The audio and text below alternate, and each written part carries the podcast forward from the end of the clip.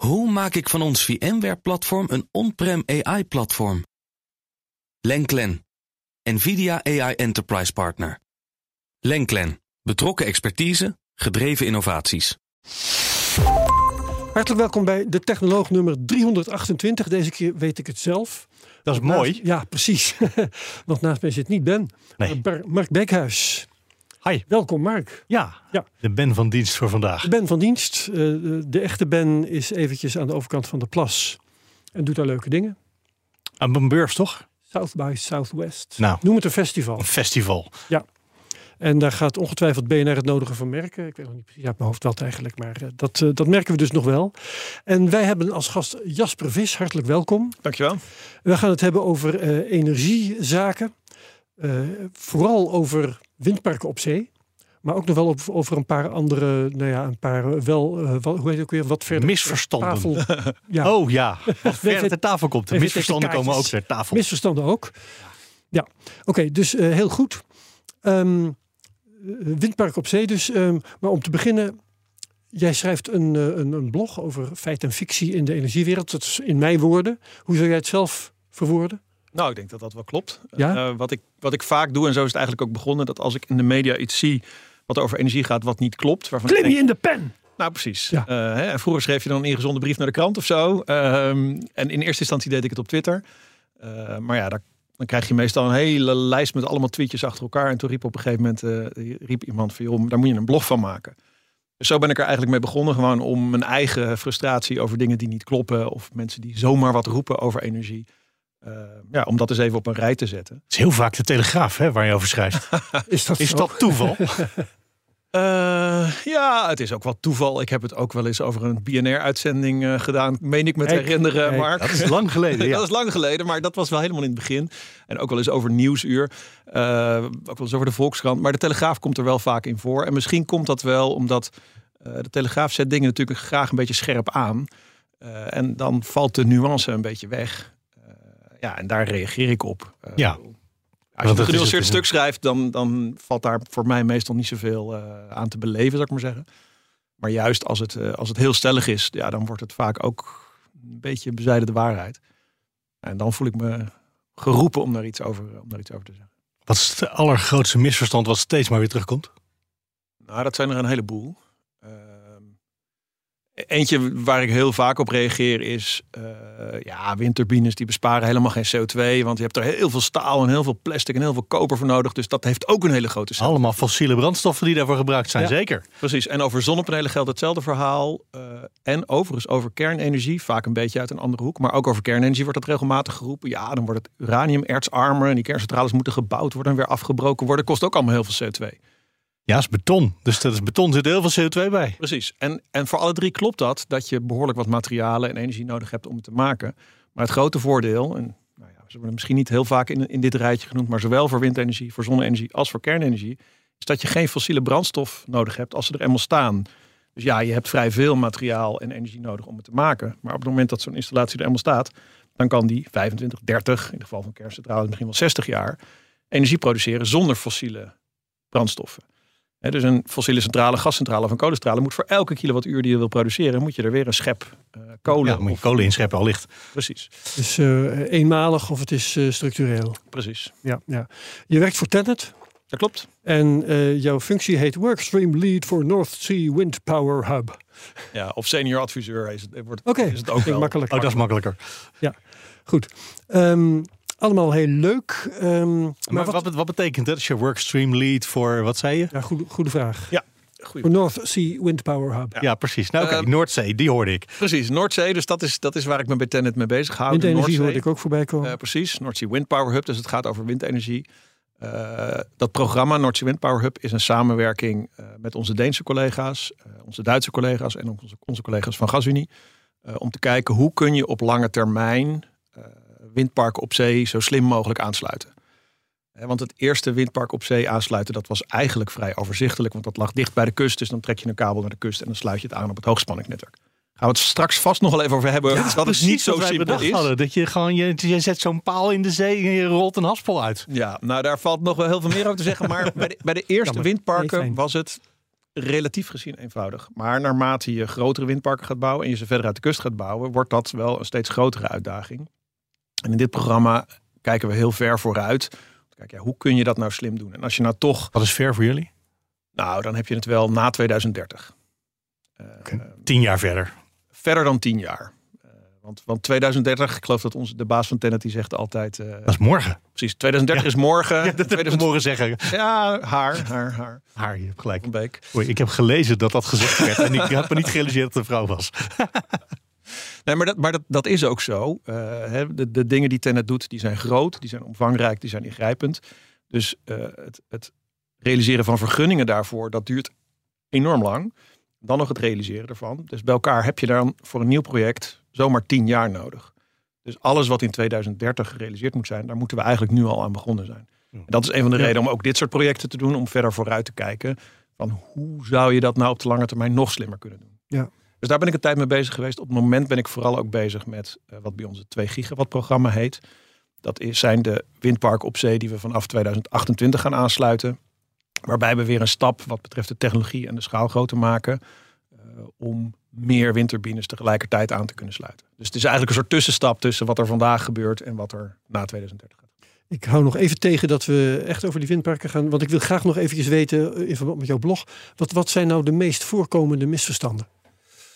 Nou, ik, De ergste. Ik, ik, de ergste. Nou, dit, en eentje noemde ik net al. Dat is eigenlijk de CO2-footprint, zoals dat dan heet. Oh ja, De voetafdruk van wind, zon, eh, kernenergie. Dat die ook groot zou zijn. Nou, die is eh, een factor 100 kleiner dan van een kolencentrale. Ja, het is niet nul. Dat is op zich ook nog goed om te zeggen. Precies, het is niet nul. En daar moet je dus ook rekening mee houden. betekent ook dat je ook voor die energiebronnen steeds moet kijken. Kan het niet slimmer? Kan het niet efficiënter? Waar haal ik mijn materialen vandaan? Is dat, gebeurt dat wel op een duurzame en Ja, zorgvuldige ja je kan staal natuurlijk eh, met kolen kan je ze verhitten of met, met elektriciteit. Dus het hoeft, het kan misschien nog wel dichter bij nul komen. Ja. Ja. Toch? Nee, dat, dat, en dat is denk ik ook wel waar hard aan gewerkt wordt. Je ziet met name bij zonnepanelen dat dat in het begin, en zeker toen de productie zich naar China verplaatste, waar een overgrote deel van de elektriciteit uit eh, kolen komt, dat die CO2-footprint nog helemaal niet zo vreselijk gunstig was. Zeker niet in een land als Nederland, waar er niet zo heel veel zon is. Ik stel hem trouwens meteen de vraag. Al was het maar om te laten merken dat je die vraag kunt stellen. Is het wel zo dat je staal kunt maken met elektriciteit? Want met aluminium gebeurt dat, dat weet ik. Maar eh, kan het zijn dat je met staal zulke, zulke temperaturen nodig hebt... dat je wel met kooks en dat soort dingen aan de slag moet? Ik dacht dat er ergens in Scandinavië een proeffabriek gebouwd wordt. Ja, Nou, het, is, ik hoop het, is, het. het is een hele goede vraag. Je kunt sowieso eh, uit eh, gebruikt staal kun je staal recyclen. Hè? Dus dan maak je staal op basis van oud staal. Dat kan elektrisch. Ja, kwestie van omsmelten. Maar als je primair staal maakt, zoals dat dan heet, dus uit ijzererts, dan heb je eh, een reductiemiddel nodig om de zuurstof die aan de ijzer vastzit in die ijzererts, om die eraf te halen. Dat gaat niet met elektriciteit, maar dat kan bijvoorbeeld met waterstof wel. Eh, en met elektriciteit en water kan je waterstof maken. Dus in die zin, eh, als je Als je graag wil, hebt- kan je zeggen dat het op stroom gaat. ja, dat, typisch zou ik in mijn blog dan die, die nuance daarbij aanvullen. Want dan moet je eerst waterstof Extra maken. Lydia. Klimt er altijd weer iemand in de pen. En als jij misverstanden bestrijdt, helpt dat dan? Ah ja, kijk, ik Nee. maak, ik maak, nou, Nee, weet je, ik maak me geen illusies. Nee, ja. Weet je, kijk, het is niet zo dat dan opeens het misverstand weg is. Eh, als het een stuk uit de Telegraaf is, die hebben een miljoen lezers. Eh, op mijn blog zijn het er, als ik, als ik het een keer goed doe, een paar duizend of zo. Maar er zijn ook een paar schrijvers heel vasthoudend die je regelmatig eh, onder, de, onder de loep neemt. Ja, dat Dus klopt. die lezen jouw blog misschien ook niet dan. Ja, dat weet ik nooit helemaal zeker. Ik zie soms ook wel dingen veranderen in de dingen die ze roepen. Ja? Dus ik denk, Toch? mm, ja, die indruk heb ik wel. En ik krijg wel heel veel reacties van mensen die eh, blij zijn dat ik het op een rij zet. Omdat ze zelf ook dachten, het klopt er niks, klopt niet. Maar ik ga het niet nog een corrigeren, keer corrigeren. Of laat zei iemand Nee. tegen me. Mijn vader die stuurt me regelmatig stukjes uit de krant door. En dan zegt hij weer, zie je wel dat het niet klopt. En dan zegt hij, nou nu, nu verwijs ik gewoon naar je blog. Dat is wel fijn, ja. Ja, maar Ja, dat is ook ja. leuk om terug te horen dat er mensen zijn en die, hè, die, het, die het waarderen, die het gebruiken. Ehm, en soms merk ik ook, dat gaat dan vaak via Twitter, dat er mensen zijn die vrij, stellig, vrij stevig stelling nemen.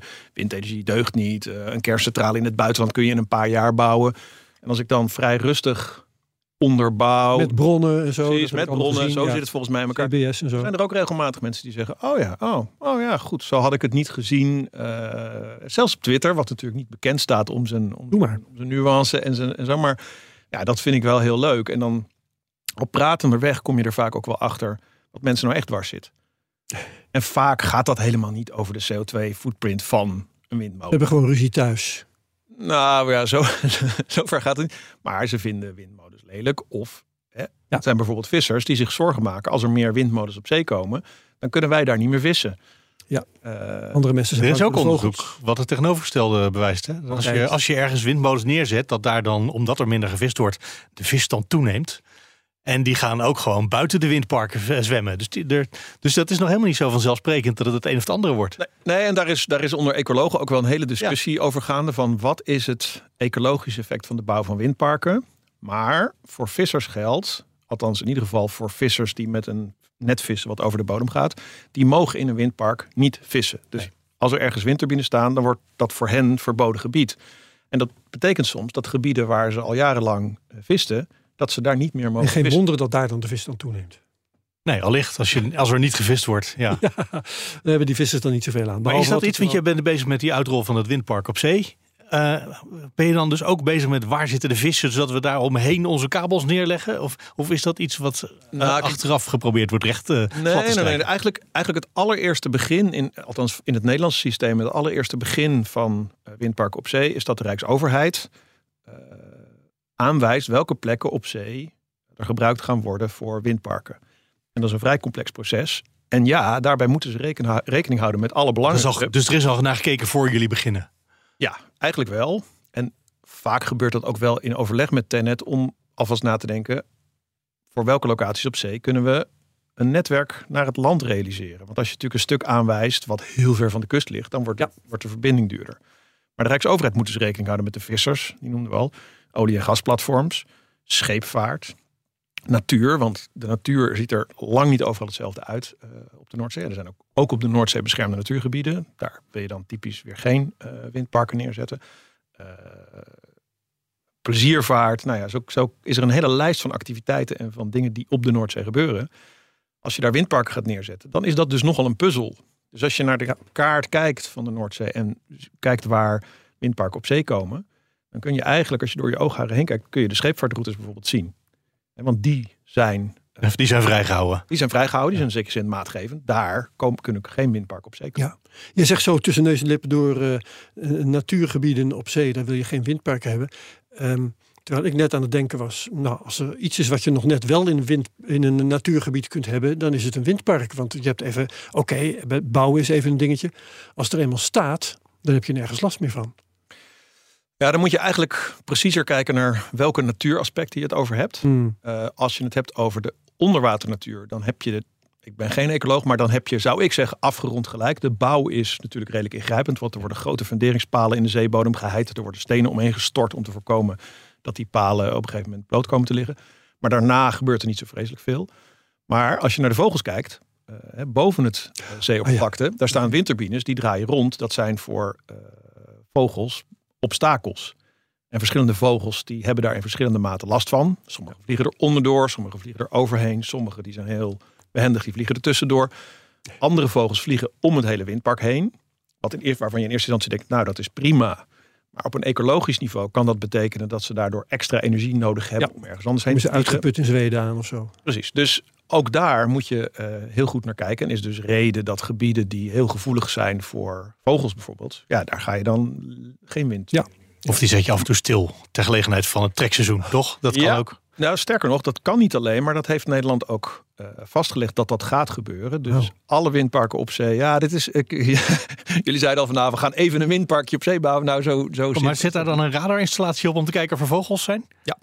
Ja, serieus. Rijkswa- ja, nee, dit is echt een grap. Rijkswaterstaat heeft, heeft op alle, installeert op alle eh, platforms die Tennet op zee neerzet, installeren ze een maritieme radar om de schepen te volgen en een vogelradar om de vogelbeweging te Dat volgen. is een apart ding.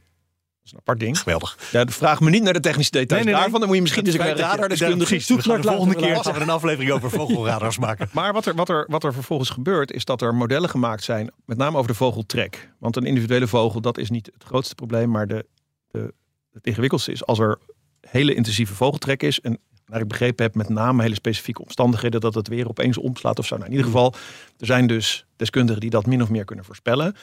En op grond daarvan kan er dan dus besloten worden om windparken stil te zetten, om die vogels min of meer een vrije doorgang te geven. Maar de vogeltrek, dat is voor een groot stuk in de herfst. Dat is echt het moment dat het het hardst waait in heel Nederland. En dan zetten we de, de wieken even stil. Nou ja, maar nou, als ik het goed begrepen heb, dan zijn die momenten dat deze specifieke omstandigheden zich voordoen, die, dat is vrij kort. Maar het kan inderdaad op die momenten wel behoorlijk hard waaien.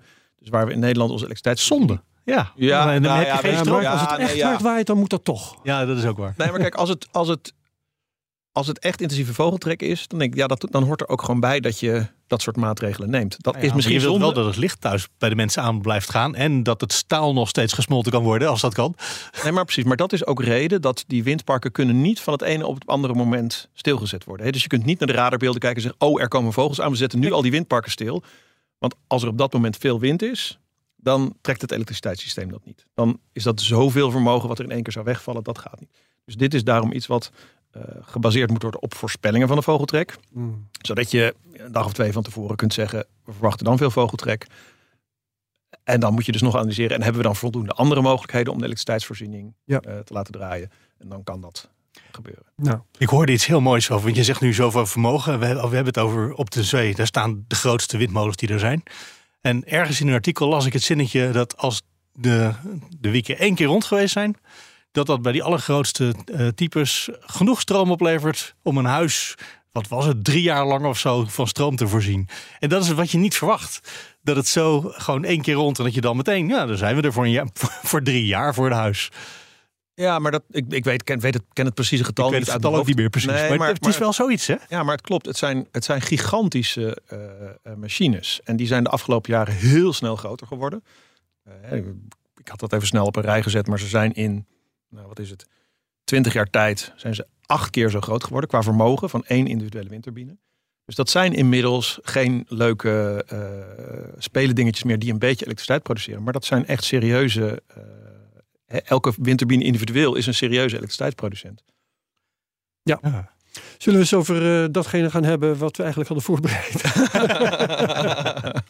Na een kwartier. Iets met energie. Iets met energie. Ja, nee, ehm, van de, de lijst vragen die ik had bedacht, eh, waarvan een deel misschien helemaal niet aan de orde komt. Maar eh, ik was sowieso benieuwd, omdat we het gingen hebben over het aansluiten van windparken. Hoe ziet zo'n aansluiting er, eruit? En jij wist dat die vraag zou komen. Dus ik kwam meteen al met een, hier met een plak gesneden uit een kabel die dan dat doet.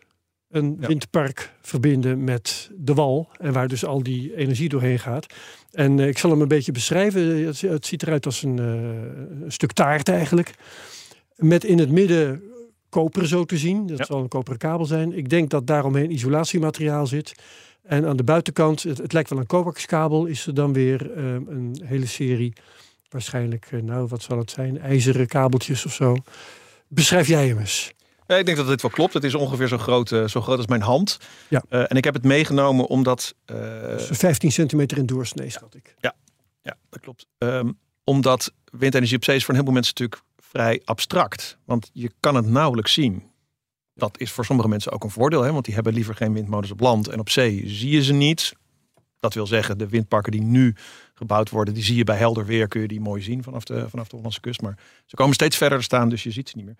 Maar ik vind het altijd dus leuk om ook een beetje te laten zien waar hebben we het nou over. Dat is in een podcast natuurlijk een beetje gek, maar ik dacht, ik, ik neem hem toch maar mee. Dus deze heb ik eh, op kantoor eh, te lenen. Te lenen. net heel even vastgehouden. Leg het nog eens even neer. Dan hoor je, denk ik, hoe zwaar die Het is is. loodzwaar. Die, die plak van 4 centimeter, eh 3 Ik zie nu in de, te- in de techniekkamer Oh, iemand jee. opkijken, sorry. alle meters in de hoek. Nee, dit, is, dit, is, dit is een loodzware, letterlijk een loodzware plak. Althans, hij is eigenlijk niet van lood. Het is vooral de koper natuurlijk wat erin zit. En het staal wat inderdaad in het, in het omhulsel zit. Ehm, Zou het wegen, kilo of twee?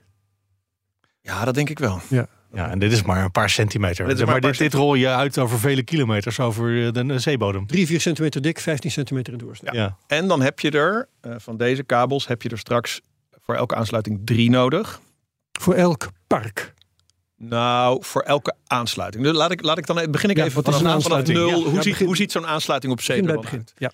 Dan begin ik even bij, bij het begin. Dat wil zeggen bij de eerste windpark op zee die, die Tennet in Nederland aangesloten heeft.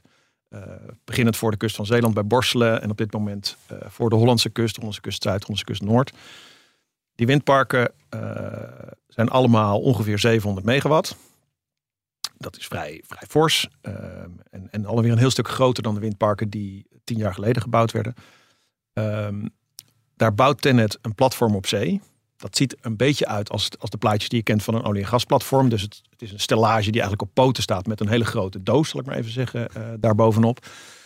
Um, vanuit de windturbines komen kabels uh, naar dat platform toe. En op dat platform wordt het spanningsniveau van die, uh, van die wisselstroom die wordt sterk verhoogd om te zorgen dat het transport naar land bij een hogere spanning kan plaatsvinden. Want minder verlies. Want minder verlies. Ja. Dat is leuk als je in een technologische podcast zit. Dan snappen ze dat meteen. ja, dan denkt Is het, oh, ja, is het oh, wisselspanning of gaat het, uh, is het gelijkstroom? Ja, dat is precies. Dat, dat, die introductie moest ik even maken, want de kabel die ik bij me heb is voor gelijkstroom. Maar van die eerste aansluitingen die we in Nederland uh, realiseren als Tenet, die zijn worden allemaal met wisselstroom aangesloten. Uh, dat is namelijk in principe goedkoper en makkelijker. Ook al omdat het hoogspanningsnetwerk in het hele land werkt op wisselstroom. Dus dan is het makkelijk als je aankomt met wisselstroom en je sluit het aan via een transformator en dan kan je verder als wisselstroom. Ja. Dus voor die parken die relatief dicht bij de kust liggen, even ruwweg 20 tot 40 kilometer afstand van de kust, bouwt Tennet uh, zo'n platform. Daar komen de kabels vanaf de windturbines heen. Die worden daar aangesloten. Het spanningsniveau wordt verhoogd en dan gaat er een kabel naar de kust met daar een aansluiting op een hoogspanningsstation van Tennet. En dan kan de stroom het land in. En elk windpark heeft dan zo zijn eigen uh, ja, boortoren, wou ik zeggen. Maar dat is het dus niet. Nee, nee, nee, we noemen het soms wel een stopcontact op zee. Een productieplatform. ja, uh, ja de, ik zeg zelf altijd een offshore platform. Uh, ja, want, want dat is wat het is. Maar daar staan er een stuk of zes, zeven van op de Noordzee straks. ja, we hebben er nu, even uit mijn hoofd, stopcontact. vijf staan. En de volgende twee, daar wordt aan gewerkt. En daarna maken we nog een sprong. Dus ook als standaard maken we dan weer een sprong, schaalgrootte groter. Uh, om meer windmolens tegelijkertijd aan te kunnen sluiten. Die gebieden daarna die liggen namelijk verder uit de kust. Het gebied IJmuidenver ligt meer dan 60 kilometer uit de kust. Uh, dat gebied is ook groter, dus we moeten meer elektriciteit transporteren en we moeten het over een grotere afstand transporteren.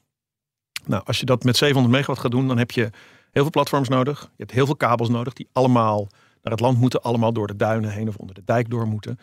Uh, en je hebt bij wisselstroom, als je dat over grotere afstanden gaat transporteren, heb je relatief veel verlies. Nou, dus daar is uitgebreid op gestudeerd tot welke afstand is, nog dat, is dat nog verstandig. En de conclusie was, uh, bij dat gebied IJmuidenver, op die afstand is het uh, beter om dat met gelijkstroom aan te gaan sluiten. Ook weer iets van minder verlies. ja. En, en het verlies zit hem dan in het uitzenden van elektromagnetische golven of zo? Ja, en de, en de, en de weerstand die je daarmee uh, creëert. Ja. Al dan niet met inductie krijg je onderweg weerstand in die kabel. Dat levert warmte op. Nou, en dat verlies, uh, dat merk je uh, aan het verlies tussen het elektrisch vermogen wat je er aan het begin uitstopt, instopt en het, wat je er aan het eind uitkrijgt. Ja. Dus een overstap naar gelijkspanning. En tegelijkertijd ook een stap naar een hoger spanningsniveau en meer vermogen per platform. Dus we gaan daar in dat gebied IJmuidenver en ook in de gebieden daarna. En hetzelfde gaan we in Duitsland doen. Uh, gaan we 2000 megawatt per platform aansluiten. Zo, 2 gig. 2 gigawatt. Dat is, dit is inderdaad ook een omslag die er gebeurd is. Ik heb ook heel lang sprak ik altijd over windenergie op zee in megawatten. En kort geleden hebben we een overslag gemaakt. Dat heeft de overheid ook gedaan. Dat heeft eigenlijk iedereen gedaan. Naar gigawatts. Want dat zijn zulke grote hoeveelheden. Dat je ja, factor 1000 groter. Ja, ja. Dus Kunnen we dat ergens mee vergelijken? Want dit is een heel groot getal, 2000, 2 gigawatt. Maar Ja. als je een normale kolencentrale of kerncentrale hier op het land hebt staan, Nou, de, de kerncentrale Borselen is ongeveer 500 megawatt. De grootste gascentrale is ruim 1000 megawatt. Uh, dus dus het het één zo'n windpark is twee grote gascentrales. Ja. En voor mensen die denken dat windmolens niet genoeg stroom gaan opleveren, dat is dus zeker niet waar. Nee, dat is absoluut niet waar. Nee, dit gaat over gigantische hoeveelheden. Ik word er soms, eerlijk gezegd, terwijl ik al heel lang met windenergie op zee, op zee bezig ben, ben ik, word ik een klein beetje duizelig van de hoeveelheden waar we het nu over hebben. Ja, ja. Het, het gaat, de, de opschaling is gigantisch. Uh, en dat, dat heeft op heel veel uh, punten heeft dat allerlei uh, effecten. Um, maar je hebt helemaal gelijk. Uh, we hebben straks, althans dat is nu de planning, rond 2030 staat er 21 gigawatt windenergie op zee in Nederland. Op dit moment is de piekvraag, hè, dus het moment dat inderdaad de elektriciteitsvraag het hoogst is, is ongeveer 18 gigawatt. Aha. En de dalvraag, uh, wat zal dat zijn? Een zonnige nacht, dat we weinig elektriciteit nodig hebben voor wat dan ook. daarvan of zo. Nee, is het 10, 10 gigawatt. Dus dat, het blijft redelijk op niveau, maar het is wel een heel stuk minder. Maar ze hebben de helft over. Dan hebben we de helft over. Nee, maar dat, Op een Precies, goede dat dag. ergens Ja. te laten. Ja. Het zal ook wel eens een keer niet waaien, maar eh, Precies, maar dat, dat betekent ook, hè, dus waar we het straks even over hadden, ja, kun je even een windparkje bouwen? Eh, voor deze windpark op zee geldt dat je eh, die, alleen maar, die alleen maar nuttig zijn als je ook iets met die elektriciteit gaat doen. Bitcoin minen. Wat hè? Bitcoin minen. nou ja, wat een goed idee. ik weet niet of dat een Als je nuttige de stroom over is. hebt, ja, dan kan het net zo goed wel. Maar we hebben heel lang hebben we gezegd, we hebben, we hebben te weinig eh, zonne-energie, we hebben te weinig windenergie, laten we meer gaan realiseren. En lang was dat ook zo, want Nederland liep in Europa achteraan enzovoort. Nou, dat is al lang, meer niet, al lang niet meer het geval. Eh, we hebben- beginnen inmiddels echt vaart op te bouwen. maar wat ik las vanmorgen, wij hebben in Nederland meer zonnestroom opgewekt dan Spanje. En dat was de koploper in Europa. Dus het is niet alleen dat we de meeste zonnepanelen hebben, maar in het afgelopen jaar ook meer zonnestroom opgewekt. Oké, In het jaar. In het, ja, Doe maar. Ja. dat, dat wist ik niet. Ik wist inderdaad wel dat we per inwoner het grootste vermogen hebben. Eh, Ja. eh, bijna wereldwijd geloof ik misschien. wereldwijd. Wereldwijd. Tenminste, zover ik weet. Eh, maar ik wist niet dat we inderdaad ook eh, al qua stroomproductie uit zon voorop liepen. Maar vorig jaar nog- nog- kan volgend jaar anders zijn, maar Nou, maar vorig jaar, en dat, dat soort cijfers die vind ik echt indrukwekkend. Vorig jaar kwam in Nederland 15% van de totale elektriciteitsproductie kwam uit zon. Nou, wie had dat gedacht in ons regenachtige Ja. landje? Maar we hebben inmiddels zoveel zonnepanelen neergelegd die zo goedkoop geworden zijn, dat we daar echt een aanzienlijk deel van onze We elektriciteitsproductie. waren nog bezig met die kabel. Want jij Ja. ging uitleggen waarom die kabel zo in elkaar zit.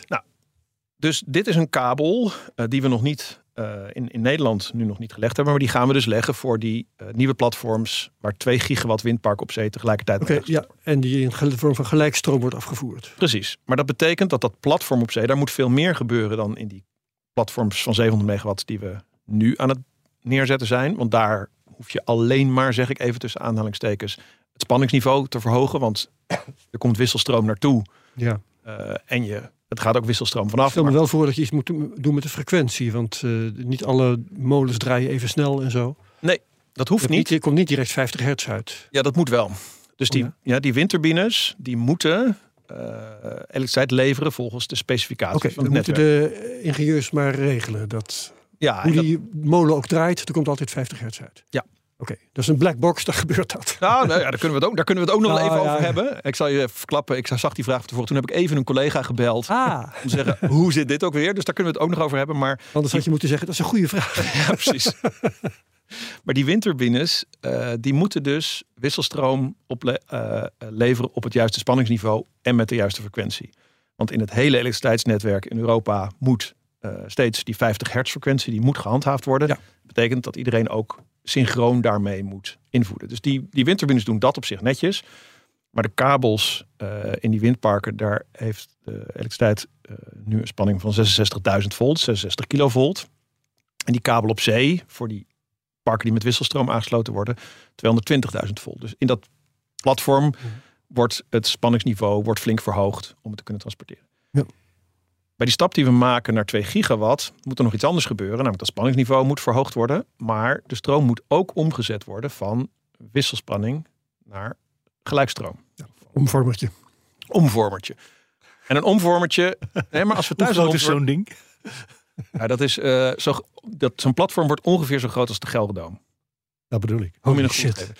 En dat is thuis, heb je daar geen last van. Hè? Want, want eh, eigenlijk het, het Apple dingetje wat je in het stopcontact steekt om eh, van wisselstroom uit Ja, het netwerk, om daar gelijkstroom te maken om je telefoon op te laten. Ja. Dat is een heel klein dingetje, maar dat zijn hele lage spanningen. Maar als je met grote spanning werkt, dan moet je ook grote afstanden houden om het veilig te houden.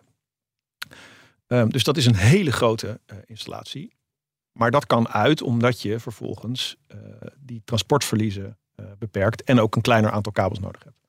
Maar dat wordt dus een hele grote installatie op zee, eh, waar die wisselstroom wordt omgezet in gelijkstroom. Dan gaat het door een gelijkstroomkabel. En dat zijn dus deze. Eh, brengt dan die gelijkstroom naar het land. En daar wordt het dan weer terug omgezet. Want het hoogspanningsnetwerk werkt op wisselstroom. Dus daar moet het weer terug omgezet worden.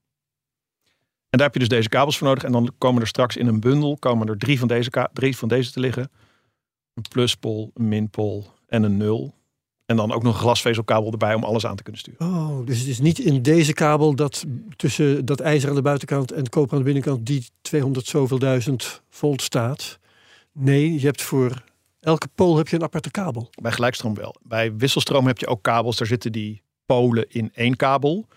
Maar die dingen had ik eigenlijk ook mee willen nemen. Maar die secties die zijn nog groter en nog zwaarder. Dat ging me met de trein niet lukken. De trein en de fiets niet lukken om dat hier naartoe mee te nemen. Maar ehm, die ijzeren, zijn een hele hoop ijzeren draadjes eigenlijk eh, langs de buitenkant. Hè. Ik zei al, coax.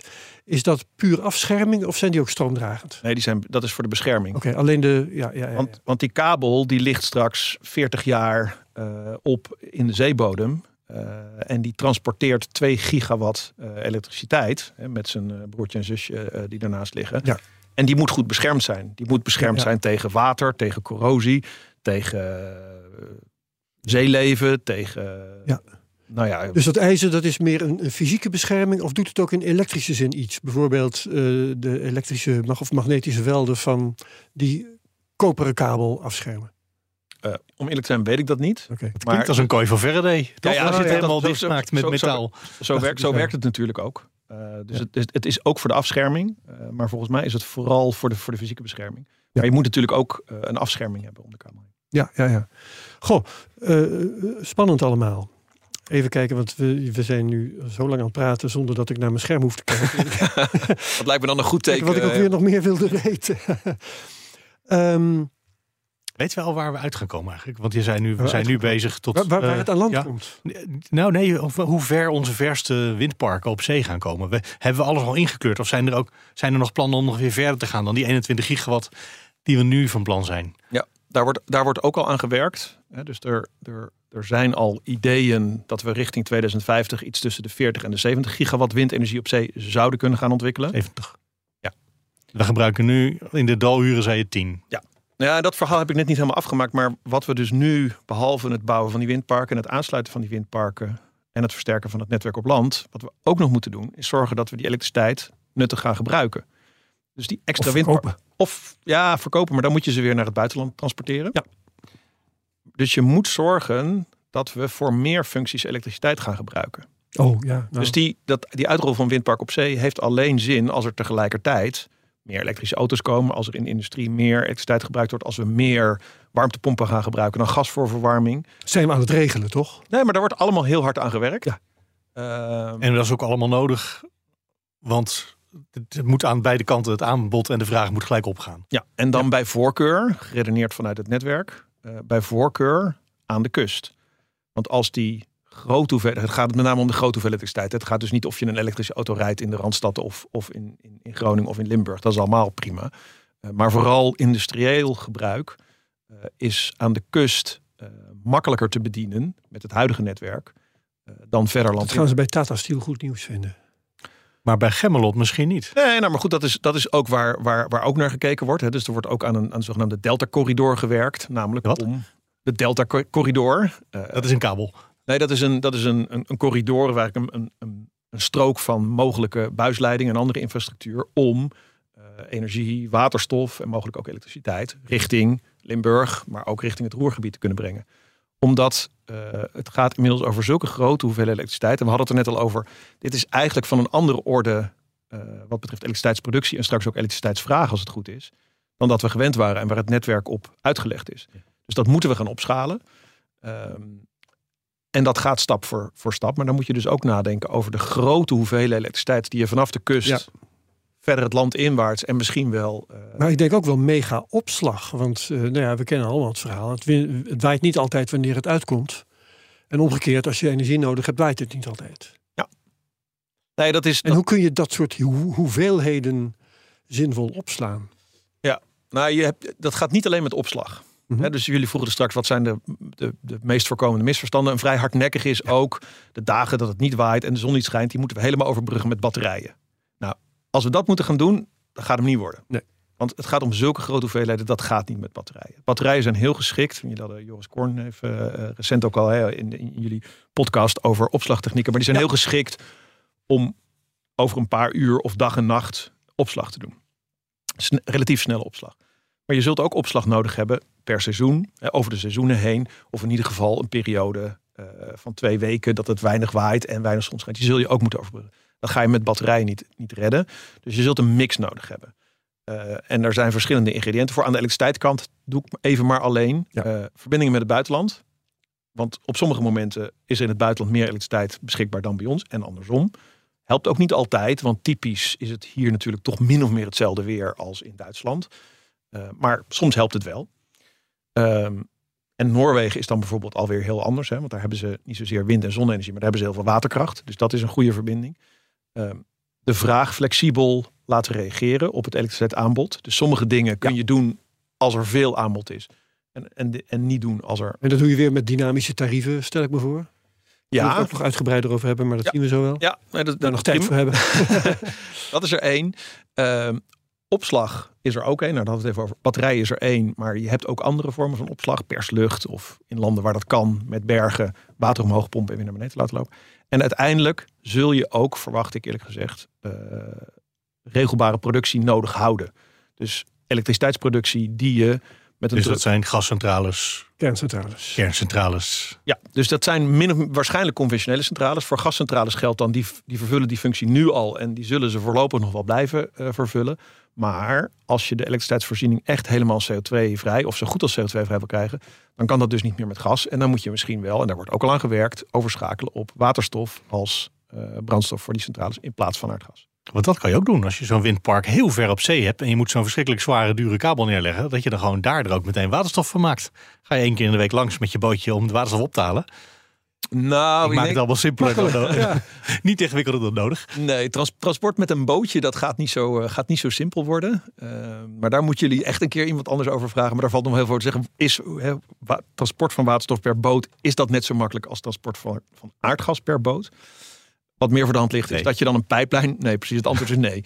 uh, wat, wat meer voor de hand ligt, is dat je daar een pijplijn voor gebruikt. Als je grote hoeveelheden waterstof op zee weet te maken die stap is ingewikkeld en relatief kostbaar. Maar als je dan eenmaal grote hoeveelheden waterstof hebt, dan kun je het met een pijplijn relatief uh, eenvoudig en relatief betaalbaar uh, naar de kust transporteren. En dan kan je op een windvrije dag kan je die uh, waterstof verstoken. Ja, ja, dus dat, dat is, ik heb zelf altijd het gevoel, het is een beetje de backstop optie, zoals dat dan soms genoemd wordt. Hè. Dat is de optie waarvan je nu weet dat het, dat het kan. Je kunt uit elektriciteit waterstof maken, je kunt waterstof opslaan en je kunt waterstof weer omzetten in elektriciteit. Ik vind het zelf als natuurwetenschapper niet zo heel elegant, want het rendement daarvan is niet zo vreselijk hoog. Dus ik hoop vooral ook dat er andere dingen komen.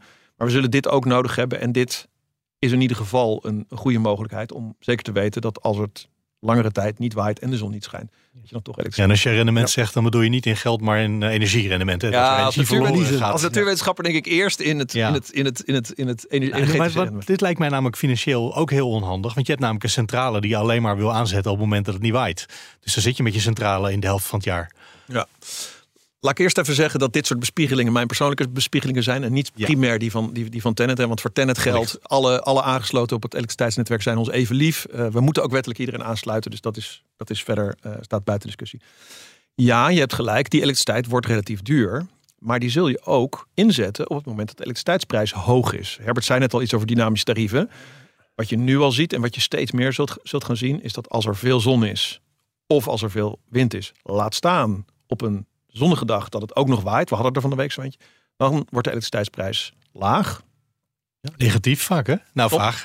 Af en toe. Af en toe zelfs negatief. Ja, ja en op gisteren nog volgens mij. Ja. En, en op momenten dat er weinig zon en weinig wind 13 is. maart. dan, dan zie je de elektriciteitsprijs uh, omhoog gaan. Dus ja, het kost behoorlijk veel. Maar dan om, kan het ook. Dan kan het ook uit.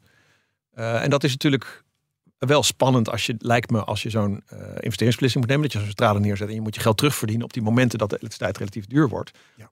Maar op de momenten dat dat gebeurt, ja, dan, dan uh, heb je ook uh, flinke inkomsten. Ja, ik, wil, ik had nog een paar vragen over, over windparken op zee. Um, in de eerste plaats, naarmate ze verder op zee komen te liggen, kun je gebruik maken van de aansluitingen van eerdere windparken? Of moet elk park zijn eigen draadje hebben? Ja, in principe moet elk park zijn eigen draadje hebben. Uh, en dat is namelijk dat die, die, die kabels en die infrastructuur die is behoorlijk kostbaar. Dus die wil je optimaal gebruiken. Dus voor de uh, windparken die Tennet nu al aangesloten heeft, wordt het maximale vermogen van die kabels gebruikt. Sterker nog, voor die windparken die met uh, wisselstroom zijn aangesloten, wordt er zelfs een deel van de tijd iets meer elektriciteit doorgestuurd. En dat kan tot een bepaalde hoogte. En als die kabel te veel opwarmt, dan kan het niet meer. En dan moet het weer teruggeregeld worden. Dus dat wordt zo maximaal mogelijk uh, ja. benut. Maar dat betekent dus dat je er niet nog een windpark aan kan hangen. Nee. Uh, want dan kun je die, die, uh, die elektriciteit niet meer kwijt, zodra het een beetje flink begint te walen. Waar wel naar gekeken wordt, en dat is onder andere dat Noordzee Windpower programma waar ik aan gewerkt heb, is om te kijken als je naar die windparken ver op zee gaat bouwen en je legt een kabel naar het land toe, dan wordt die kabel vrij kostbaar omdat je verder van de kust zit, maar je komt tegelijkertijd dichter bij onze buurlanden langs de Noordzee. Engeland, Noorwegen. Dus zou het wel eens een goede mogelijkheid kunnen zijn om dan ook een kabel naar de andere kant te leggen. Dus bijvoorbeeld een kabel vanaf dat windpark op zee naar Nederland en daar vandaan ook een kabel naar Engeland. Dan kun je namelijk, als dat windpark voluit draait, dan kun je die kabel gebruiken om uh, die windstroom naar, naar de kust te brengen. Als het niet waait, en in Engeland is op dat moment de stroomprijs lager, het waait daar meer, ze hebben kerncentrales draaien, de zon schijnt daar meer. Uh, we hebben ook een tijdsverschil met de Engelsen, dus, dus hè, wie weet hebben ze daar, etc. Dan kun je diezelfde kabel gebruiken om elektriciteit van Engeland naar Nederland te transporteren. Of de andere kant op. Ja, ja, ja. Dus daar zitten wel combinaties in. Ja. Maar verder geldt dat voor elk nieuw windgebied wat je ontwikkelt, moet je uh, nieuwe elektrische infrastructuur aanleggen. En komen die kabels die in Nederland aan land komen, komen die allemaal op dezelfde plek aan land? Je, je ziet ze normaal gesproken niet als badgast op het strand. Ze zijn waarschijnlijk uh, onder een laagje zand bedekt of zo. Maar welke plekken zijn dat uh, bijvoorbeeld? Ja, ze liggen inderdaad uh, onder een laagje zand. Uh, in Wijk aan Zee kon je afgelopen jaar kon je zien dat daar hard aan gewerkt werd. Want daar zijn de kabels ja. van een aantal windparken op zee in het gebied Hollandse Kust West... zijn daar onder de duinen door, doorgetrokken. Dus daar kon je het even zien, maar daarna zie je ze niet meer. Ja, ja, ja. Maar ze komen aan op plekken waar relatief dicht bij de kust... een hoogspanningsstation van Tennet ligt. Dus de eerste windparken zijn aangesloten in Borselen, in Zeeland. Uh, de windparken Hollandse Kust Zuid zijn aangesloten uh, op de Maasvlakte. De volgende windparken worden aangesloten bij Wijk aan Zee, noemde ik al, en bij, bij Beverwijk. Uh, dus hoogspanningsstations waar toch al elektrische infrastructuur lag, die relatief dicht bij de kust ligt. Naarmate er meer windparken op zee komen, moeten, moeten we daar beter naar zoeken. Waar kunnen we dat aansluiten? Waar is nog ruimte op het netwerk? Dus nu wordt er inmiddels ook gekeken naar naar kabels die mogelijk wat verder uh, het land inlopen. Hè? Bijvoorbeeld naar, Ja. uh, naar Moerdijk of, of iets van die. En is er trouwens een maximum afstand van de kust eh, dat je nog zinvol een windpark kunt aanleggen? Of kom je daar altijd wel uit? Nou, voor de Noordzee kom je daar eigenlijk altijd wel uit. Eh, hè, er, lopen, er lopen ook al kabels tussen eh, bijvoorbeeld Noorwegen en Engeland. Eh, er loopt van Nederland een kabel naar Noorwegen. Dus, dus die afstanden van de Noordzee die kun je overbruggen. Er blijft wel gelden, hoe verder uit de kust, hoe duurder het wordt. Ja. Eh, En, en hoeveel verlies je in zo'n kabel, zo'n trans-Europese, trans-Noordzee kabel? ja, een paar procent. Paar procent maar. Oké. Ja, dus als je, hè, dus, maar dan moet je het eh, in de vorm van gelijkstroom doen. Dus dat betekent wel dat je je, je wisselstroom ergens moet omzetten in gelijkstroom. Ja. Dus dat gebeurt ook met de kabel. die Kost ook een paar procent. Ook weer een toch procentje. Ja, iets minder dan een procent kost die omzetting. Eh, Maar het kost minder dan het niet doen. Precies. Eén financieel, ja. ja. Ja, maar financieel, maar ook energetisch. Dus als die afstanden te lang worden, dan is het ook op een gegeven moment energetisch voordeliger om die omzetting te doen. Dat verlies te nemen. Maar dan heb je Gaan niet aansluiten op de Verenigde Staten. We gaan niet aansluiten op de Verenigde Staten. Nee, er zijn soms wel, er zijn, nou, maar er zijn soms wel wilde plannen. Hè. Er is een, is een stel Engelsman, Engelsen die bedacht hebben om een kabel van Engeland, of eigenlijk van Marokko naar Engeland te trekken. Omdat ze dan denken eh, zonne-energie en geloof ik windenergie te kunnen eh, importeren. Er was geloof ik ook een plan te- om een kabel te leggen tussen Australië en Singapore. Sure. Nou, ik zie het voorlopig allemaal nog niet gebeuren. Maar je ziet wel met de ontwikkeling van die, van die techniek. eh, hè, om met gelijkstroom over grote afstanden eh, elektriciteit te transporteren. Ja, is het wel denkbaar. Er zijn technisch volgens mij geen obstakels. Het is alleen wel een gigantische investering. Waarvan Ja. de vraag is, kan dat wel uit? Kwetsbaar, aardbevingen misschien. Whatever. Maar goed, Hoe lang- ehm, hoe lang blijft dat eigenlijk staan, zo'n windpark? dat zou ik ook weten. Oh, nou, Althans, wat een toeval. Ehm, dat is een goede vraag. Dat is ook een van de, van de grote misverstanden. Is ook wel vaak die windmolens op zee. Die roesten zeker heel snel. En na een paar jaar dan moet je ze, dan kunnen ze het, doen ze het zeker niet meer. dat valt nogal mee. Het allereerste windparkje op zee. Dat noemen we een windparkje op zee. Wat in Denemarken gebouwd eh, was. Dat heeft het eh, bijna 25 jaar volgehouden. Die windturbines waren niet eens on- specifiek ontworpen voor eh, condities op zee. Maar die hebben het toch lang volgehouden. Ehm, in de eerste windpark op zee in Nederland werd ervan uitgegaan dat die periode 25 jaar zou zijn. Inmiddels is duidelijk dat die levensduur langer zal zijn. Dus eh, wordt er nu van uitgegaan dat dat wel tot 35 jaar. en wat gebeurt er dan? Is er dan iets versleten? Of ga je dan zeggen, eh, de techniek is nu zo ver voortgeschreden, ze zijn verouderd, we kunnen beter iets anders neerzetten, dat levert meer op? Ik denk het belangrijkste is denk ik dat ze tegen die tijd waarschijnlijk dermate versleten zijn dat het vervangen van onderdelen duurder gaat worden dan een nieuw windpark bouwen. Ja. Dus een Ja, beetje Is het ook niet zo dat, want omdat ze elk jaar groter worden dan vorig jaar, en eh, dat je daardoor heel veel meer energie, eh heel veel elektriciteit opwekt, dat het gewoon met, zo'n, met die kleine molentjes niet meer de moeite is.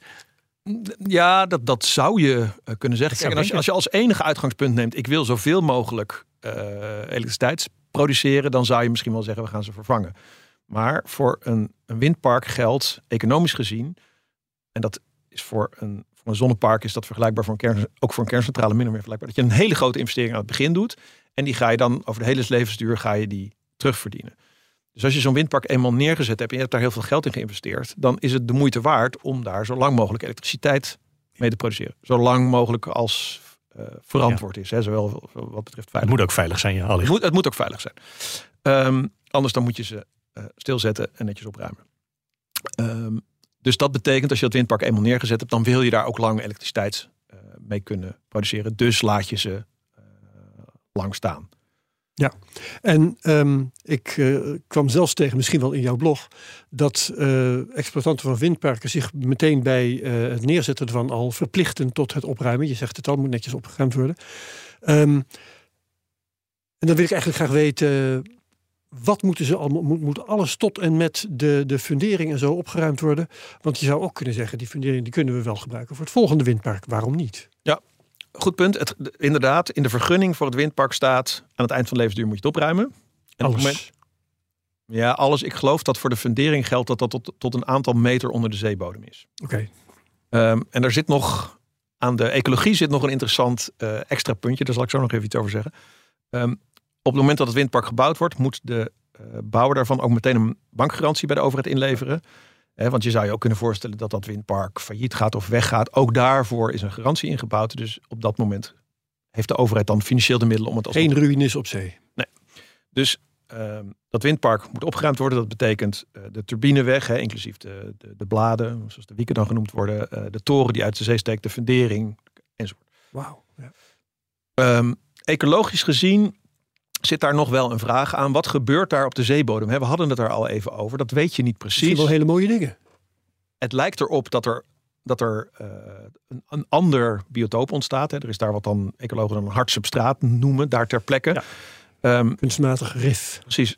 Eh, In, in, in windparken gebeurt dat nu ook steeds meer dat er op zijn minst experimenten gedaan worden om te kijken van als we daar nou kunstmatige riffen bouwen, wat gaat daar dan gebeuren? Voor zover ik weet is daarvan nog niet precies duidelijk wat daarmee moet gebeuren aan het eind van de levensduur. De overheid heeft gezegd, eh, wij, gaan, wij kunnen nu niet zeggen dat je ze mag laten liggen. Je hebt de verplichting in principe om het op te ruimen. Maar als het ecologisch waardevol is, dan kan het misschien wel blijven. Sterker nog, dan wil je misschien wel dat het blijft. Ja. Maar dat is natuurlijk tamelijk ver in de toekomst kijken. We hadden het al over. Ja, dit speelt ongetwijfeld bij eh, de olie- en de gaswinning op de Noordzee niet anders. Ja. Daar zullen ongetwijfeld ook allerlei prachtig volgegroeide poten van, eh, van platforms staan. En ja, daar is dat natuurlijk laat ook. je natuurlijk ook liever gewoon als, daar liggen als je het niet hoeft op te ruimen. is het goedkoper. gaat daar nog de boel blokkeren hoor, volgens mij. Ja, maar als je 13 Shell of Esso bent, dan eh, denk je, nou, het is misschien wel goed voor de ecologie, is makkelijker. ja. Nee, maar daar zijn, daar zijn voor olie- en gasplatforms al hele discussies over gevoerd. Van, van wat is eh, ecologisch interessant. Daar speelt altijd, bij, altijd doorheen. En dat maakt het natuurlijk wel lastig. Dat degene die het moet gaan opruimen. Ja, Natuurlijk ook misschien wel de neiging hebben. Zo, belang heeft. laat maar staan, want dat is zo goed voor, eh, hè, voor de natuur. Maar dan ook die kosten uitspaart. Ja. Dus dat maakt die discussie ook wel, eh, wel ingewikkeld. ja, maar goed, inderdaad, eh, als je onder water eh, en dan tot, weet ik veel, zoveel meter boven de zeebodem structuren laat staan, dat gaan de vissers of eh, weet ik veel andere scheepvaart misschien niet leuk vinden. Nee, nee dus, dus Dat is ingewikkeld. Veel, veel, ook weer veel belang om af te wegen. Precies, en dan, dan zal dus, neem ik aan, maar dat is dus een afweging die over lange tijd gaat spelen. Dan zal dus meewegen, wat wil je daarna met dat Ja. gebied gaan doen? Ga je weer een windpark bouwen? Oh, dat was ook nog jouw vraag. Kun je die funderingen dan hergebruiken? In principe niet. Oh. Eh, want waarschijnlijk, en Mark zei dat net al, zijn die windturbines tegen die tijd weer anders groter geworden. Ja. En die, windtur die funderingen die worden specifiek ontworpen. Dat zou je niet zeggen, want het zijn hele grote eh, stalen buizen. Eh, je zou misschien, als je ze op het eerste ziet, denken, nou, dat is een stalen buis. De ene stalen buis, het andere stalen buis. Maar die worden specifiek ontworpen voor dat type windturbine. En zelfs voor die specifieke locatie op de Ja, zeebodem. bepaalde belasting, geoptimaliseerd, bla bla bla. Precies, welke belasting levert de golven op? Welke belasting levert de wind op?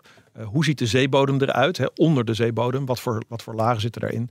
Dus als je een nieuw windpark gaat bouwen, dan zul je ook nieuwe funderingen nodig Ja, als ze groter zijn, de volgende generatie, dan wil je ze waarschijnlijk ook verder uit elkaar zetten, denk ik. Sterker nog, dan moeten, ze, dan moeten ze verder uit elkaar, want anders vangen ze te veel wind van elkaar af. Dit Maar was waar jij voor toen in BNR Duurzaam nog kwam, omdat we daar, daar was je het niet mee eens wat ik daarover gezegd had.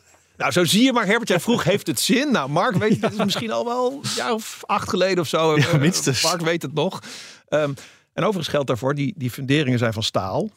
Eh, en het ging er dus straks over, het kost heel veel materiaal. Dat staal kan je dan vervolgens natuurlijk, eh, als het goed is, weer eh, hergebruiken in de vorm van staal. Dus niet de fundering hergebruiken om hem nog een keer voor, diezel- voor een windturbine op dezelfde locatie te gebruiken. Maar wel om dat staal weer opnieuw als staal te gebruiken. Ja, ja, ja. ja.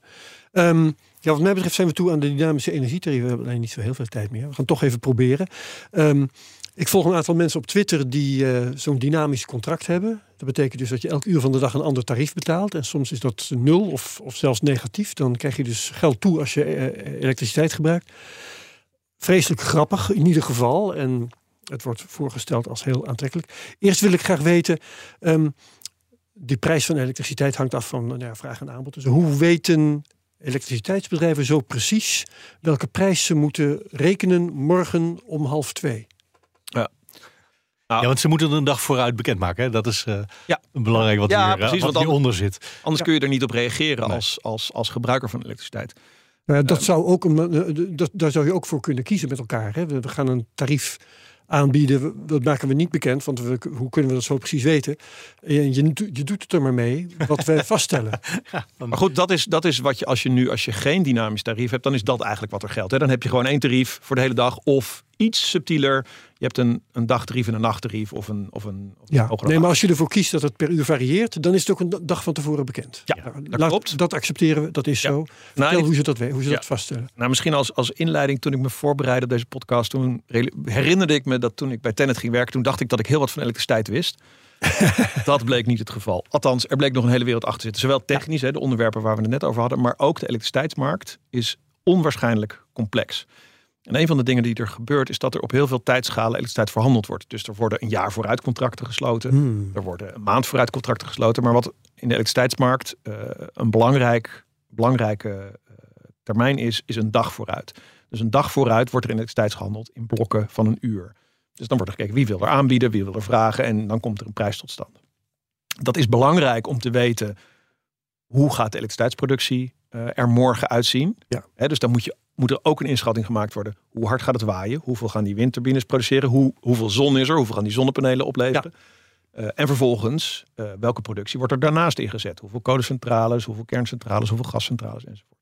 Dus dat gebeurt een dag van tevoren. En die prijs eh, kan dus doorgegeven worden. Voor grootverbruikers geldt sowieso dat die voor een deel al heel lang te maken en gebruik maken van die, van die verschillen in de elektriciteitsprijs. Ehm, en dat is dus nu iets wat voor, voor kleinverbruikers, hè, huishoudens, eh, ook mogelijk is. Zeg, nou, ik wil wel een dynamisch tarief. Wat betekent dat mijn elektriciteitsprijs per uur verschilt. En die is dus eh, indirect gebaseerd op eh, die handel een dag vooruit. En elk patroon is dan mogelijk. Dat viel mij op en dat leek ook vrij logisch. de prijs die ik van de week zag, voor, die ik zondag zag voor maandag, hè, die was dan tussen de middag negatief. Ik denk, oh ja, klopt, want de zon schijnt en dan is er dus veel aanbod, zal wel. Eh, Ja, is het en- altijd en- zo? En weinig vraag. Ook Maar maandag, dag. niet. Maandag ja, ja. niet. Dus even, ik, ik denk. Maandag als ik was even dag. terug de, maandag was dag. Ja. Gisteren was, scheen er, was er veel zon, maar er was ook veel wind. Eh, en en die combinatie Ah, ja. leidde ertoe. Ik weet het niet heel precies hoe de elektriciteitsprijs er gisteren is, maar die, die, die combinatie kan er dan toe leiden dat de stroomprijs negatief wordt. Je ziet het het vaakst dat de elektriciteitsprijs heel laag wordt eh, op zondagen omdat er dan relatief weinig verbruik is. Er zijn veel fabrieken dicht. Ja, ja, ja. ja. Het verbruik is dan relatief laag. Dus daar zie je nu het eerste effect. Maar in algemene zin zie je zeker in de zomer inmiddels in Nederland, omdat we zoveel zonne-energie hebben, zie je dat die elektriciteitsprijs rond het middaguur behoorlijk eh, daalt. Uh, dus dat je typisch ziet dat uh, s ochtends, rond het moment dat iedereen opstaat en er overal processen, fabrieken opgestart worden, dat de elektriciteitsprijs hoog wordt. Dan naarmate de zon opkomt en, en er meer zon komt op zonnige dagen, hè, op dagen dat het heel erg bewolkt is, dan, dan geldt dat effect niet. Nee. de elektriciteitsprijs daalt. En dan eind van de middag, als de elektriciteitsprijs weer, elektriciteitsverbruik weer stijgt in ieder geval uh, bij mensen thuis, omdat iedereen thuis komt en uh, elektrisch en het aanbod afneemt. Zou eigenlijk een soort bedrijfje moeten bedenken wat vooral op zondag stroom nodig heeft en rond de lunch. Bitcoin mining. ja, ja, dat lijkt me zinloos, maar dat. maar ja, je krijgt er dan nog geld bij toe, ook op sommige uren. Dat ja, is, uh, zeg ik. En je bitcoins. Ja. ja. Nee, maar kijk, het, het, het wordt wel steeds interessanter om bij je elektriciteitsverbruik rekening te houden met de elektriciteitsprijs op dat moment. Zeker nou ja, niet als je geen dynamisch contract hebt. Nee, dus ik, ik denk even aan alle elektriciteitsverbruikers. Dus uh, bijvoorbeeld voor de industrie geldt dat. Ja. Dat het als het kan, want niet alle processen lenen zich daarvoor. Maar als je een industrieel proces een beetje of helemaal kunt aanpassen uh, aan de elektriciteitsprijs, dan kun je daar behoorlijk. ja, ja koelcellen worden daar vaak voor genoemd. Hè? Die een paar, paar uren per dag aanzet. Nou, en, en maar daarom had ik dus ook de vraag aangezien. Um, we steeds meer om, om het klimaat moeten denken, dus ook zo weinig mogelijk energie verbruiken, maar ook om onze portemonnee. En dus op de, die dynamische contracten, uh, zijn die een onvermijdelijkheid voor de toekomst? Is dat nu een beginverschijnsel en moeten we daaraan wennen? Goeie vraag. Kijk, op de, op de groothandelsmarkt, hè, dat zei ik al, daar gelden ze al. En daar zijn, ja. ze, daar zijn ze keihard noodzakelijk. Hè, daar, daar is het het mechanisme om te zorgen dat vraag en aanbod in balans zijn. Um, daar heb je als huishouden, als je dat niet wil, niks mee te maken. Of niet zoveel mee te maken. Hè? Want veel mensen hebben natuurlijk al twee tarieven. Een dag en een, en een, en een nachttarief. Ja. Um, maar als je dat wil, dan kun je ervoor kiezen om zo'n dynamisch tarief te hebben. Ik weet niet helemaal zeker, maar er zijn vast ook uh, collega's die dat beter weten of mensen in de sector. Of dat noodzakelijkerwijs betekent dat iedereen dat straks gaat gebruiken. Ik denk eigenlijk. Misschien is het ook wel genoeg als een paar mensen dat doen om golven op te vangen. Ja, nou ja, kijk, een paar mensen. Of een paar bedrijven. Ja. Kijk, een paar bedrijven sowieso. En ik denk ja. dat, dat ik verwacht zelf dat uh, naarmate de energietransitie zich verder voortzet, dat je daar meer dynamiek in zult zien. En dat het ook voor heel veel bedrijven aantrekkelijk wordt om, om te kijken in hoeverre ze mee kunnen bewegen met uh, die, die bewegingen in de elektriciteitsprijs. Voor huishoudens zal dit ook het geval zijn. Ik denk op dit moment met name als je relatief veel elektriciteit verbruikt. En wanneer doe je dat? Als je een elektrische auto hebt die je thuis laat, als je een warmtepomp hebt waarmee je je huis verwarmt. Nou, dat soort grote verbruikers, daarvan maakt het echt een verschil. Kijk, het is ook de moeite waard, uh, als je op de kleintjes let, om je was te doen als de elektriciteitsprijs uh, laag is in plaats van als die hoog is.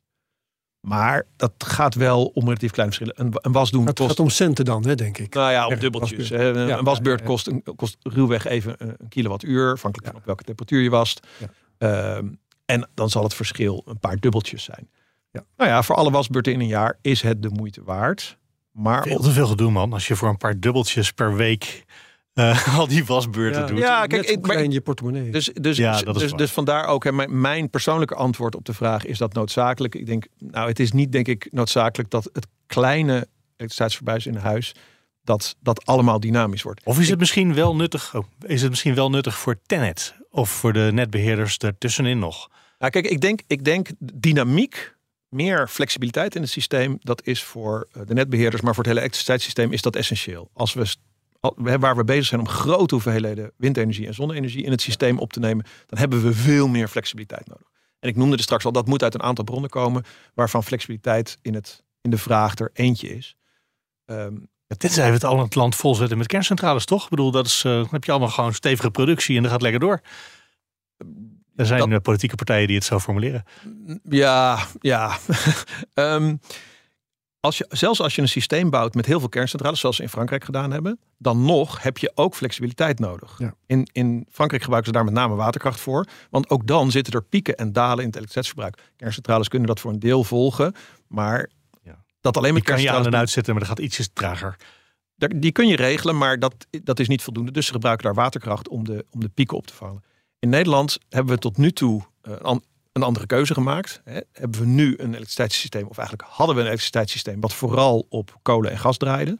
Dat hebben we al heel snel, zijn we al heel snel aan het ombouwen. Want uh, 2015 kwam nog 80% van onze elektriciteit uit gas en kolen. Dat is een ander misverstand, dat het toch 15 jaar minstens zo zou blijven, vooral kolen en gas. Vorig jaar kwam al 40% van alle elektriciteit in Nederland uit hernieuwbare bronnen, vooral wind en zon. En over zeven jaar, in 2030, is dat naar verwachting al ongeveer twee derde. Zo. Dus we, we zijn al bezig om ons elektriciteitssysteem, onze elektriciteitsproductie, om te bouwen naar heel veel zon en heel veel wind. En daar hoort bij dat je veel flexibiliteit hebt. Ja.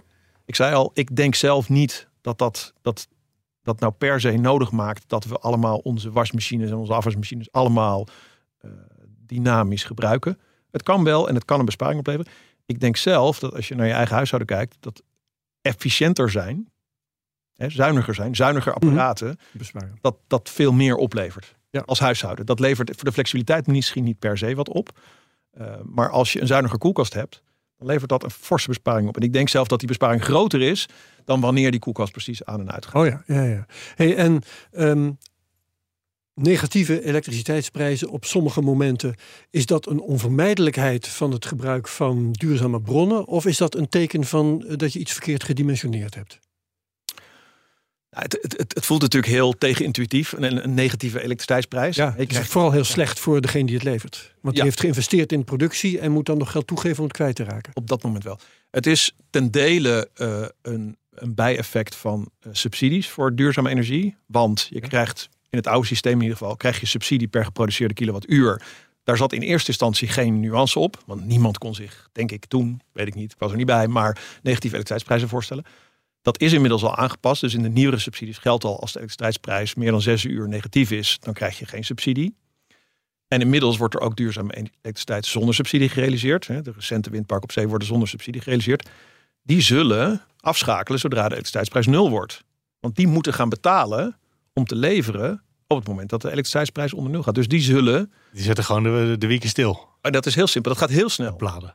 Ja, je draait het blad uit de wind en, en in een mum van tijd dra- eh, Ja, regel je het vermogen van dat windpark. Dus dus dat dat nu niet gebeurt. Maar dat heeft dan te maken met de subsidie dus. Nee, maar dat, nou, dat gebeurt. eh, voor een deel gebeurt dat al als de elektriciteitsprijs zwaar negatief wordt. Dan zijn er al windparken die eh, hun vermogen terugregelen. Ehm, en op dit moment eh, krijgen windparken helemaal überhaupt geen subsidie.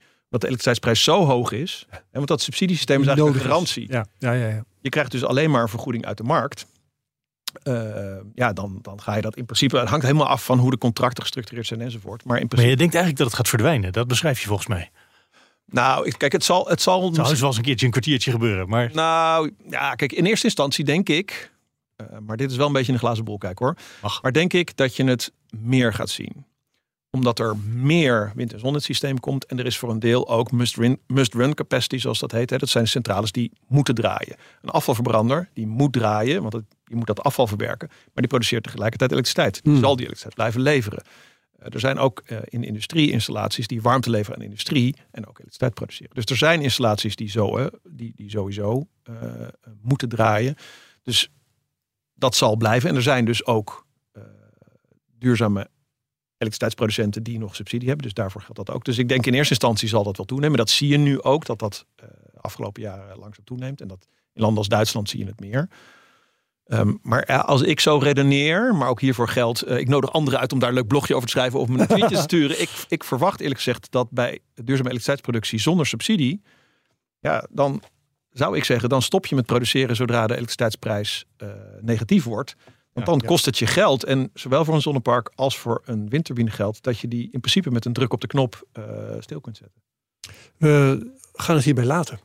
nu al. En zeg jij, ja, we zijn al een uur en drie minuten bezig. Eh, Als jij nog vragen... nee, ik zou een heel nieuw hoofdstuk over kerncentrales Nee, nog dat- kunnen beginnen. Maar dat, dat laten we dat dan maar niet doen. Nee, dat houden we te goed. Misschien van Jasper, misschien nog wel van iemand anders die we hier een keer... Zeker. Zijn er Misschien dat jij er dan ook bent, maar misschien niet. Dat, eh. Ja, als Ben weer terug is, dan la- sta ik deze stoel weer af. ik ben bang dat dat zal gaan gebeuren. Volgende Maar week. we zien je graag weer terug, eh, Mark Beekhuis. Dankjewel. En natuurlijk Jasper Vis van Tennet. Bedankt voor het ophelderen van allerlei misverstanden over windparken op zee en over dynamische energiecontracten. Dit was de technoloog nummer 238, als ik het goed heb onthouden. Even snel terugkijken. Eh, ja, te- eh, 328, neem me niet kwalijk zeg. 328. Eh, iedereen bedankt voor het luisteren en graag tot de volgende technoloog. Dag allemaal. Hoe vergroot ik onze compute power zonder extra compute power? Lenklen, Hitachi Virtual Storage Partner. Lenklen, betrokken expertise, gedreven innovaties.